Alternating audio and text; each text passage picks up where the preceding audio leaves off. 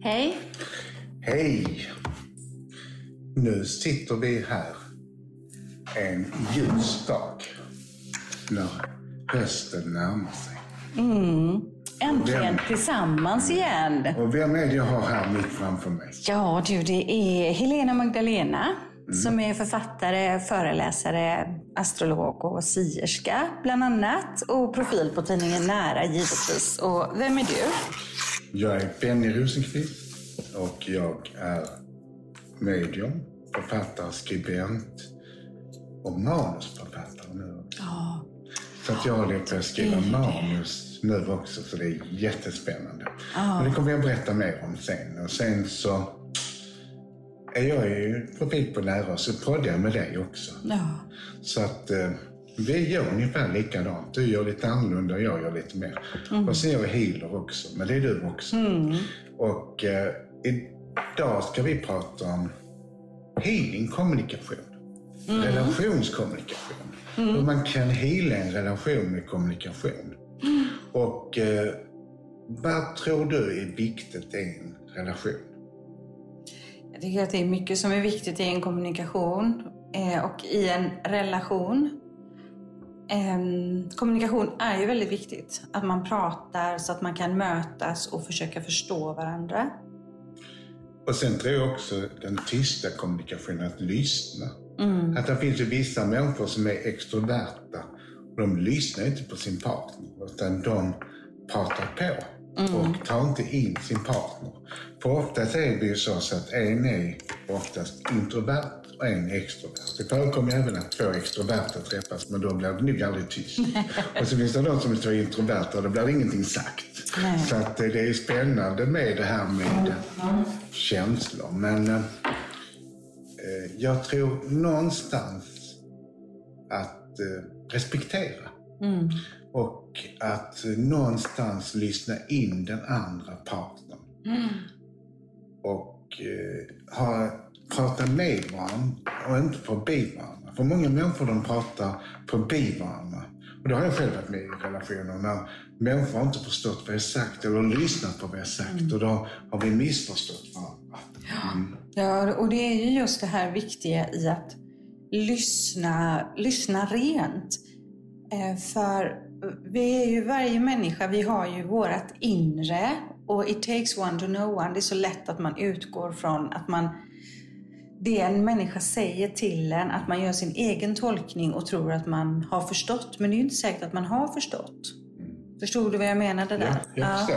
Ja, det var det jag menade också med att man, om man lyssnar in så förstår man ju. Mm. Och annars får man säga, vad menar du? Och sen är det ju ibland när det är konflikt, när det är bråk på hög nivå, då pratar man absolut förbi varandra. För då kan man egentligen ha samma mål, men ilskan gör ju någonstans att man inte förstår. Och då är det bättre att faktiskt lägga ner till ilskan har gått över. Eller så får man ha en verktygslåda så man verkligen kan bråka på rätt sätt. Och det är ju någonstans att jag tror ändå inte- inte någon mår bra av att man skriker på varandra. Nej, absolut inte. Nej, nej, det tror jag inte. Nej. Utan det är ju en frustration som gör liksom ofta det här att man känner sig ju maktlös. Man vill ju få sagt någonting och man vill bli lyssnad på. Men jag vet att jag själv kan vara så att är jag väldigt upprörd, då vill jag inte lyssna. Och då spelar det ingen roll vad den andra personen försöker säga, för jag vill inte lyssna. Eh, Så mm, jag brukar själv få göra som så att jag behöver få gå undan och jag, då skriver jag gärna, skriver gärna dagbok och reflekterar och tar in och sådär. Sen kan jag vara mer mottaglig för att lyssna. Jag är lite, det är min måne i kräftan där, den stänger att, inte vara, att inte vara mottaglig. Och jag förstår att det kan vara jättesvårt för partners i relationer som när någon är som jag är. Nej, För man når inte. Det går liksom inte. Så jag har försökt att, att träna på det där att okej, lyssna. Eh, Men också i upprörda situationer att man kan också göra så här att nu får du prata och jag bara lyssnar. Jag avbryter inte. Jag går inte in och försöker försvara mig utan jag bara lyssnar på dig. Och sen så får du göra tvärtom, att då får du bara lyssna på det jag har att säga. det här att nå fram då. För det blir ju lätt annars att man nästan kastar sand på varandra. Att du sa och jag gjorde och du sa minsann och vad skulle du? Så här. Och det värsta tycker jag någonstans när en person drar in allt annat som har hänt långt tillbaks. Mm. Vissa saker som man har glömt. Och det blir precis som en avrättning. Tycker jag. Man håller sig inte till det faktum, utav det man bråkar om just då, utan man tar in hela sin livsstory. Ja, men du gjorde så den gången och du gör mm. så och du har det beteendet. Och jag tycker det blir så fel mot egentligen partner. Mm. Utan håll dig till det här som är mm. ämnet som yeah. vi bråkar om. Och där kan jag ju känna mig lite träffad då. För jag mm. har väldigt, väldigt bra minne. Jag minns. Jag också. Ja. Och eh, jag kan, jag kan känna det ibland. Men då är det det här att ehm, det här när man blir väldigt ledsen och upprörd och man inte når fram och sådär. Att man agerar i affekt. Det är ofta då det här kommer liksom. Det blir som ett vulkanutbrott eller som en storm liksom. Och då, då kan jag, jag vet att jag kan ha en risk då att bete mig på det sättet. Men det, man kan ju alltid jobba på sig själv. Det är ju inte bara alltid den andra man ska förändra utan också titta på vad gör jag? Vad kan jag göra bättre mm. i vår kommunikation, i vår relation? Liksom? Mm. Och kärleken är den stora läromästaren. Mm. För det är en mentor man har i den man lever med. Ofta har vi ju någon karma också. Mm. Som vi ska lösa. Någonting som är problematiskt för just den relationen. Och det är det vi ska lösa. Och det är man två om. För det är mm. ofta en knut. Mm. Och det gäller att man kommunicerar. Till slut så kan man lösa knuten. Mm. Så gäller det att lyssna in, mm. prata, lyssna in. Till slut så löser man upp knuten mm. som man har som sitt tema eller problem i relationen. Mm. Och alla har sina problem. Mm. Och man har olika problem med olika partner. Mm. Eller så går man in i ett mönster som man hela tiden möter samma typ av partner. Mm. Som man upprepar för att universum skickar omförpackad. Så nu ska du lära dig detta i detta livet. Nu ska du förstå detta. Så får man samma typ av partner. Typ att man träffar en typ som är alkoholist eller en mm. som misshandlar psykiskt. För det handlar om mig också. Att jag måste utvecklas och inse att jag måste ha självkärlek emellan och söka professionell hjälp. Mm. För att undvika de här som inte är bra för mig. Genom att jag faktiskt kan titta åt ett annat håll istället så att jag får partner som är självkärlek. Så jag unnar mig att växa som person. Mm. Ja, verkligen. Och ordet kommunikation, mm. kommer ifrån kommunicare. Ja. Att take care. Mm av eh, varandra. Mm. Och där är det ju verkligen så. Vi kan ju möta de här stora kärlekarna i livet där vi har mycket karma. Och det kan vara jättesvårt med den här kommunikationen. Och så kan vi möta någon annan som vi har väldigt lätt att kommunicera med och väldigt likatänkande och sådär. Så vi har ju olika läxor med olika, med olika människor såklart. Mm. Sen jag den sista tiden haft flera vänner, mm. par kompisar som ska separera. Mm. Och vissa säger att de kommer kanske separera, vissa kommer kanske inte göra det för de kommer utvecklas. Det är separationshot. Vissa mm. skjuter med varningsskott just mm. nu. Och det är speciellt då liksom när man ser. Och jag tycker oftast ni kvinnor är duktigare på att reda ut problemen än vad män är, för de har ju flyktbeteende. Mm. Tycker jag. Faktiskt när jag tittar på mina kompisar. För de är duktiga på att känna intuitivt att någonting inte stämmer. Mm. Eller är den känslomässigt som för diskussionen på något sätt. Eller mm.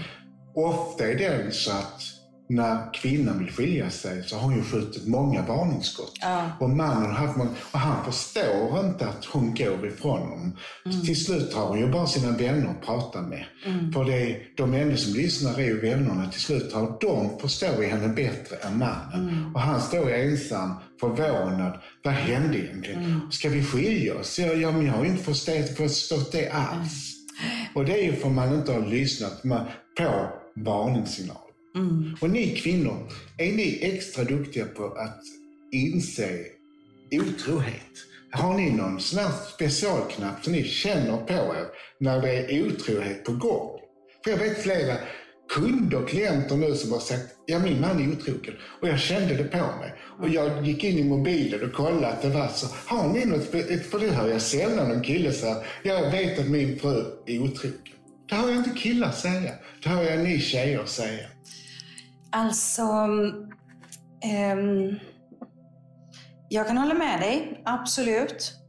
Uh, och jag tror väl att det är liksom, vi kvinnor kanske är mer reflekterande många gånger. Att vi känner in lite mer. Mm. Och sådär. Kanske använder vår intuition lite mer mm, mm. och har fokus på det. Tillåts det. Ja. Och då, då börjar man ju känna att här är det någonting som inte stämmer. Så det kan säkert vara så lite generellt, men ibland så träffar jag ju kvinnor som kommer och det har kommit som en överraskning, som ett brev på posten, att mm. deras man har varit otrogen. Eh, så, men jag tror just att det är det att vi kvinnor är, använder kanske intuitionen mer, känner in, eh, vädrar fara på något sätt. Eller kanske får lära er det. Mm. För ni ska också skydda barn och familj och det på något sätt. Så det kanske, den instinkten blir övad som en nerv på något mm. sätt. Kanske mer. Jag är väldigt intuitiv. Jag har alltid vetat när någon är otrogen. Jag ser till mig med vem de är det. Mm. Och jag vet klockslag. Jag har ringt till folk och sagt detta är inte bra för vårt förhållande. Mm. Det du håller på nu är inte bra. Och jag sa det till en partner en gång. Han gick hem så sa han, jag har huvudvärk. Så gick jag hem så sa jag, tänkte jag, han har inte huvudvärk. Han har gått hem och lagt sig med en kille. Och jag såg vem det var. Mm. Och så sa jag till honom på telefonsvararen, det var då vi hade vanlig telefon. Mm. Alltså jag, du är otrogen nu och det är inte bra för vårt förhållande. Mm. Vi kan prata om det imorgon. Mm. Så när han satte igång telefonsvararen på morgonen kände han, åh nej. Mm. Han vet. Och vad hemskt. Åh gud. Och det har hänt flera gånger i mina relationer. En, han var notoriskt otrogen. Han var det var helg för han var steward. Mm. Och var helg så såg jag, och det var det precis som jag ser en snuskfilm, för då såg jag vad han höll på med. Om det var mörk eller ljus eller vem han låg med. Jag såg alla framför mig. Och det är nackdelen att vara medial, för det var som att gå in i en film. Ja. Alltså se det. Och han nekar ju alltid till det. Mm. Men när vi gjorde slut så sa en kompis till honom, Ja, nästan till 98 procent hade du rätt. För han berättade för mig och sa, Benny vet och Benny vet och Benny vet. Mm. Så det är bra att jag, det kan nog inte vara lätt att vara min partner. Nej, det finns ju sina fördelar och nackdelar med att vara medium. Mm. För det är ju, mm. när, när, vi jobbar så som vi jobbar, vi mm. kan ju verkligen tona in och se över avstånd och mm få till oss information på ett sånt sätt. Och du är ju klockren i det då som mm. får till dig så. Mm. Jag, har, jag har inte varit med om otrohet, mig veterligen, vilket jag inte heller tror i mitt vuxna liv. Men däremot när jag var tonåring. Mm. Men jag kan ju intuitivt känna om det är någonting annat som, mm. som är fel. Eh, och Ja, jag ser ju, jag ser ju in i framtiden. Det är ju liksom mycket där jag är. Mm. Eh, och jag vet inte om jag har berättat det här, men fyra år innan jag skilde mig från min första man. Vi hade, en, vi hade en jättebra relation och så här, han är flickornas pappa. Så de två yngre flickornas pappa. Eh, så skulle vi lämna Småland och vi skulle flytta till västkusten och bygga hus i Särö här i Halland. Och eh, vi sökte jobb och fick jobb och allting gick jättebra och vi satte ut vårt hus och vi började bygga och sådär. Så ringde min, eh, min före detta mans nya chef. Hon bara ringde honom. Hon skulle bara fråga någonting. Och när jag hör, för jag hör ju själen i rösten, det är därför jag kan jobba så mycket med telefonen. Så får jag bara det att hon är hans nästa partner. Mm. Jag visste det. Och det kom ju lite chockartat där och då. Men jag har ju alltid en tro på att allting har en större mening. Mm, mm. Så att jag kunde ju, jag fick ju hantera det. Jag blev ju väldigt, va? Vad är det här liksom? För jag, jag drar inte åt att vara svartsjuk, så det var ingen sån här. Men jag fick reflektera lite över det och så fick jag väldigt tydlig guidning i att den dagen kommer att komma, men när den dagen är här, då kommer jag se det som att det är en jättefin utveckling till mm. det som ska komma. Och fyra år senare sen då så skilde vi oss och då var det hon som var hans partner sen. Så jag visste det. Och jag har många gånger funderat på varför fick jag veta det? Och jag har en känsla av att det var, jag sa inte det till honom då. Jag sa inte det för jag kände att det föder ju kanske oro och rädsla åt honom som inte han ska ha och att det kan kännas jobbigt på nya jobbet och sådär. Men eh, då kände jag det att det, jag fick veta det den gången för jag skulle vara förberedd på att vi kanske inte är för alltid. Och vi stod också i en sån stor situation att min före detta man då skulle lämna Småland där han kommer ifrån och flytta med till västkusten. Mm. Men när vi sen hade skilt oss, vi skilde oss som vänner och så, det var, det var en jättebra separation. Eh, för då kände jag dåligt samvete att jag hade flyttat honom från Småland. Men då sa han, det är det bästa du har gjort, det var att ta mig till västkusten. Så det är jag det evigt tacksam för. Och då förstod jag det att min guide ville att jag skulle vara förberedd på den här utvecklingen. Men jag blev väldigt förvånad. Jag brukar säga det att jag tror inte att någon som är lycklig har skilt sig. Att det är en anledning att man skiljer sig. Så jag har inte hört någon säga, åh jag är så lycklig, jag måste skilja mig. Nej. Har du hört det? Så egentligen så är det ju meningen att skiljas när man skiljer sig. Och ibland så tror jag att, jag sa det i var inte kärlek när du längtar. Tänk om man hade fått en sån här liten som kyckling, en plopp. Mm. Att nu är vi färdiga så nu får vi lov att skilja oss. Mm. För ibland, vissa känns som de harvar kvar sig länge i en relation som egentligen inte är varken kärlek. De säger att de lever tillsammans för barnens skull och sen lever de för att de har huset eller de har pengarna ihop. Mm. Och jag tror någonstans att vi måste bli lyckliga. Mm. Att det är viktigt också att träffa kärlek. Mm. Att våga ge upp saker för att hitta den sanna kärleken till slut. Mm. Jag tror det finns någon för alla. Och vi lever ju i en sån fri kultur. Jag pratade med en av mina eh, underbara stammisklienter för ett litet tag sedan. De kommer från en annan kultur, en annan religion och en ganska ung tjej. Supergullig den här tjejen.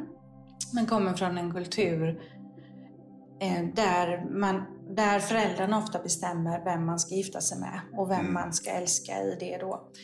Nu har inte hon de förutsättningarna men diskussionerna finns lite. Ska man träffa någon som är från det landet eller det landet, den religionen eller den och sådär. Så vi kommer att prata om det här att, att vi, vi är ju faktiskt väldigt fria i vårt land. Det har hänt otroligt mycket bara på hundra år. Mm. Det här med att vi får välja vem vi vill älska och vem vi vill gifta oss med och sådär. Det är ingen annan som bestämmer det eller styr det åt oss. Och mm, det är ju en underbar gåva att vi får följa våra hjärtan. Mm. Jag var tillsammans med en muslimsk kille som var gay. Mm. Och han blev tvingad att gifta sig och han flydde ifrån det. Mm. Så att han är inte välkommen till sitt hemland på grund av att han valde bort äktenskapet som han inte ville gå in i. Och det är ju skrämmande tycker jag. Men samtidigt, kultur är kultur. Mm. Och eh, vi har olika traditioner, men det är jobbigt när man är i den situationen, mm. tycker jag. Sen tycker jag det är fint också med eh, kultur och familj. Att vi kanske har mindre familjekänsla än vad de har. De ofta ställer upp för varandra på ett annat mm. sätt och mormor och morfar. Och de har ju sina fördelar med sin kultur. Att de mm. inkluderar folk så länge vi håller de reglerna som vi har. Mm. Så det, det är både rätt och fel. Jag tror vi skulle behöva någonting av dem och de skulle behöva någonting av oss. Mm. Verkligen. Eh, och ehm, det som slog mig i just det samtalet då, det var ju vad otroligt mycket som, som har hänt om man tittar på historien. Och som också händer i andra delar av världen, i deras historier. Mm. Nu i, det, i andra kulturer helt enkelt. Mm, mm. Eh, och um, det här att få vara fri att älska den man vill och få gifta sig av kärlek. Mm. För jag kände det i det samtalet att det är så lätt att ta det för givet att det är så för alla, men det är ju inte det. Eh, och i samtalet då med den här unga, unga tjejen, hon kommer få följa sitt hjärta, så det var inte mer med det. Men just att diskussionen kom upp. Och hon är också en del i att historien ändrar sig i deras kultur. Mm. Att man börjar lätta upp och man har en större frihetstänkande och sådär. Så det är jättefint. Det är det. Mm. Jag tror också att vi människor kommer börja respektera varandra som kvinna och man. Mm. Att vi, så det kommer att bli en bättre värld för alla människor. Att, att den, den dominansen som finns hos vissa män kommer att försvinna. Att äga, styra och bestämma över sina kvinnor. Att det kommer försvinna så småningom, tror jag. Mm. Ja, jag säger att jag hoppas att, eller jag tror det med. Och jag hoppas verkligen att Mm. det är så. Eh, och det känns också därför som saker och ting kommer ju fram i ljuset nu på, på alla sätt egentligen. Man ser mycket mer nu hur det ser ut och runt om i världen. Och man kan se liksom hur man har det i olika länder och sådär. Det finns en eftersträvan att få en större, en större frihet. Och kvinnorna blir starkare, hör du. det, det blir de. Ja. Men om du tänker själv bakom, som du själv var inne på, hundra år tillbaks. Mm.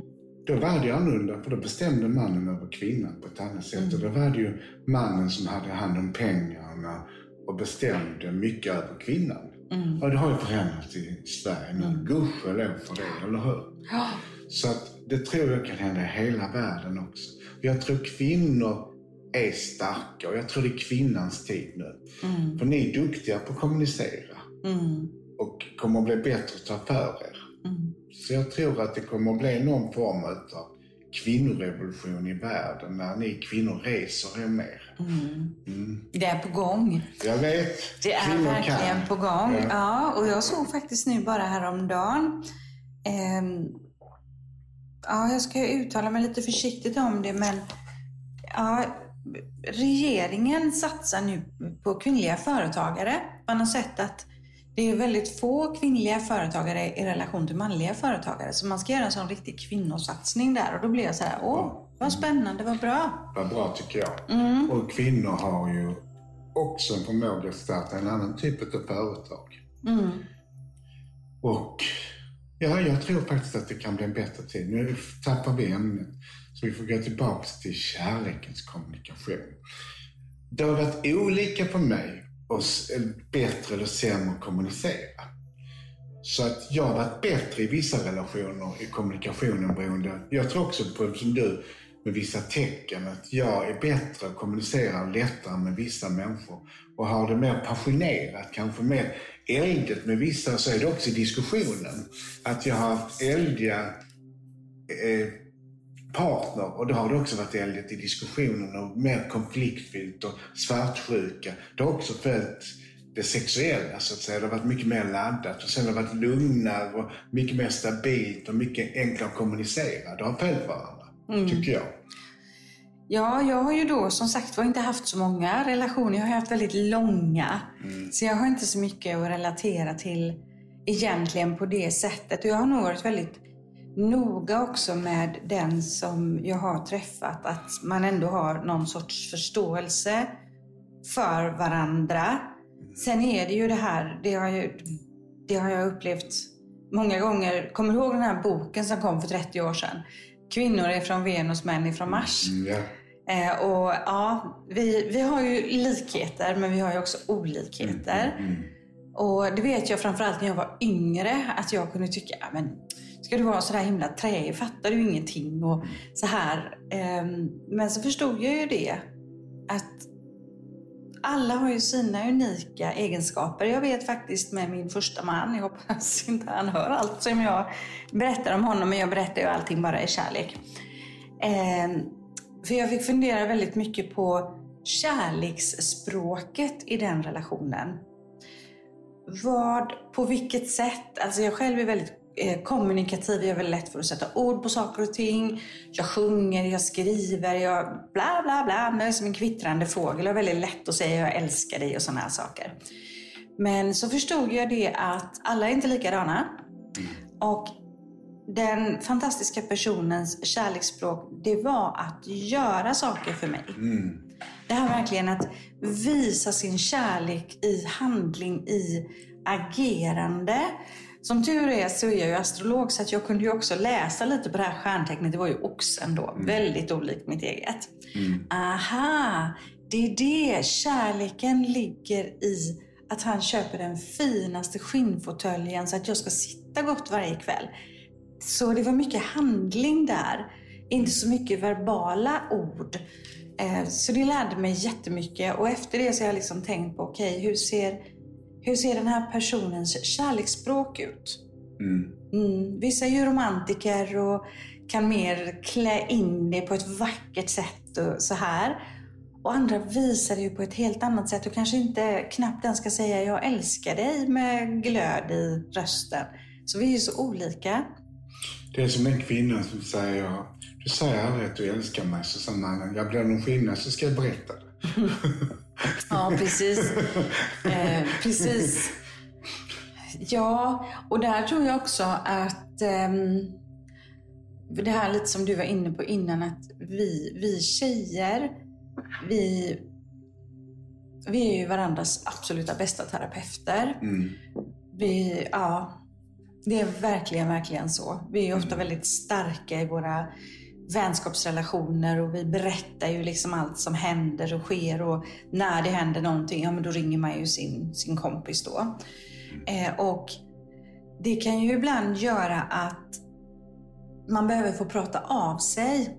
Så det kan ju vara så här att den personen får alltid höra skuggsidorna av personen man lever med. Mm. Men man kanske inte ringer alltid och säger Åh gud, har du hört? Och nu ska jag berätta. Han är så fantastisk. Och det där. Utan det är ofta det här, och nu är jag jätteledsen, nu har detta och detta hänt. Mm. Så får man terapeuta sig lite. Eh, men det hjälper nog också oss kvinnor hela tiden framåt just på ett terapeutiskt plan. Medan jag tror att om mannen hamnar i en situation och märker att min kvinna är upprörd på mig nu. Hon är arg, hon, hon skäller på mig, hon pratar inte med mig på tre dagar. Det är någonting som är fel. Men han kanske inte har någon kompis som han kan ringa och prata med på det sättet. Många män har ju inte det. Nej. Det är ju vetenskap att det finns, de har konstaterat att du är rik som man om du har en kompis när du separerar. Många män är helt ensamma. Ja. Och de blir ju väldigt ensamma för ofta när ni kvinnor håller ofta de sociala kontakterna mm. och sköter det där när det är födelsedagar och mm. sköter allt runt omkring. Ja. Det är ni bättre på än män. Mm. mm. Ja, just det.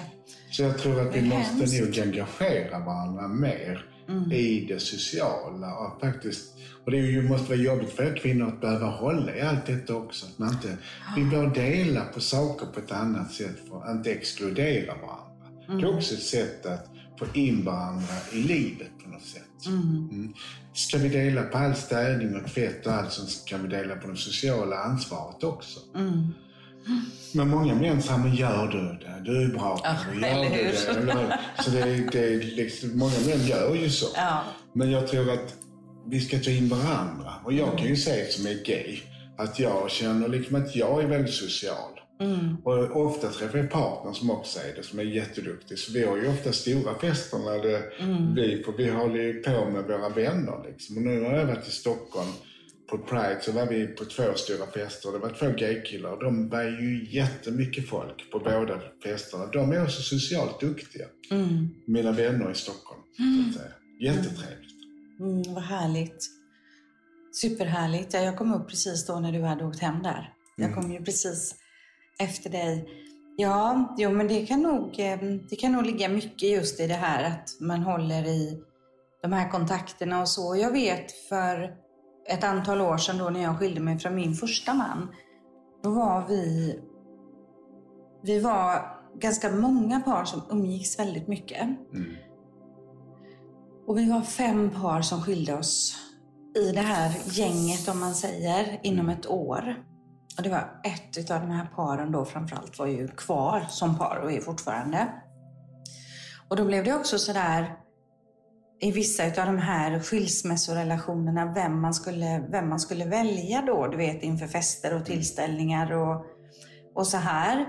Eh, och eh, då kände jag ju som för min före detta man, han kände ju inte så många här och han var ju inte då ifrån västkusten här. Men då hade vi det här paret som vi umgicks med, de som fortfarande är gifta, ett underbart par. De såg ju till att fånga upp de här männen och ta de här kontakterna. Kom över, vi ska grilla korv och du vet det här lätta som vi tjejer oftast håller i. Men sen samtidigt en singeltjej är ofta ett hot och blir inte bjuden. Mm. Till, till exempel en parmiddag med massa par. Då kan man bjuda en kille, men man bjuder inte hem en singeltjej. Aha. Det är många som inte gör, för jag vet många kompisar till mig som är singlar.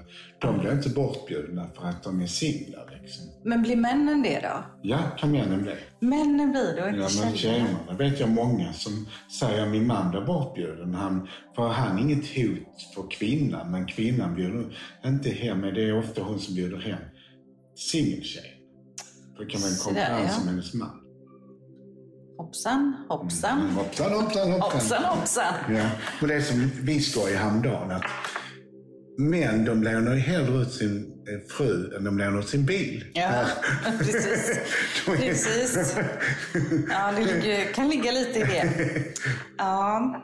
ja, men det är ju jätteintressant det här med kommunikation och liksom Kärlek. kärlek. och hur otroligt viktig kommunikationen är i kärlek för att man ska kunna växa och utvecklas tillsammans. Och kunna separera i samförstånd och försöka att inte förstöra för varandra utan istället inse, jag har älskat den här personen och den har tillfört mycket och nu, ja man hittar en massa fel, det är därför man separerar men man ska också komma ihåg allt som har varit bra. På så vis kan man ju kanske försöka skiljas som vänner istället. För att någonstans kanske man har barn eller har ett hus och man ska göra upp saker och ting. Och det är bättre om man försöker att inte bråka så att man förstör relationen istället. För man pratar lite illa om man pratar illa om sitt ex. För jag har ju varit den personen. Och man kanske ska vara försiktig vad man säger om det i sina barn. För någonstans har man ju älskat en person. Och då ska man respektera det, tycker jag. Ja, jag pratar inte, har aldrig heller gjort det, om mina ex. Eh, Och framförallt inte mm, mina barns pappor. Mm. Eh, utan eh, de är ju fantastiska människor, även att våran kärlek tog slut. Och de gör ju så gott de kan och har alltid gjort det. Och de är, de är lika värda att älska för barnen som jag är. Mm. Mm. De behöver mamma och pappa, de behöver två föräldrar. Det finns idag också två pappor kanske, bara. Och då är det viktigt att båda får lov att vara pappor då. Ibland finns det två mammor och två pappor och det är fantastiskt. Och separerar det ena paret, ett gaypar, så är det ju bra att man inkluderar den som kanske inte är biologisk mamma ändå. Ja, det är så härligt att eh, man kan ha så många föräldrar. Ja, Nu är för tiden. Ja, kan man. Det är extra mamma där och det är bonuspappa där och det är mamma och mamma och pappa och pappa. Jag tycker det är helt fantastiskt. Framförallt att det finns många sunda vuxna runt, runt barn som växer upp. Ja, nu du min kära vän, nu ska vi avrunda det här avsnittet. Nu kommunicerar vi på ett bra sätt här. Jaha, och då säger jag nej, vi ska inte sluta. Nej, fast det är jag som bestämmer. Jag är lilla syster. Nej, men det är jag som bestämmer. Vi ska prata länge idag, för nu pratar vi om någonting som är fantastiskt. Men vi säger kärlek till dig som lyssnar. Och du är värd det bästa. Så har du någon kärlek som inte tar hand om dig, sök någon som gör det. Är det någon som slår dig, lämna med en gång. Är det någon som behandlar dig illa, lämna med en gång. Se respektfullt på dig själv också. Du är värd att bli älskad för den du är. Det avslutar vi med. Puss och kram. Puss och kram, kärlek, kärlek, kärlek till dig.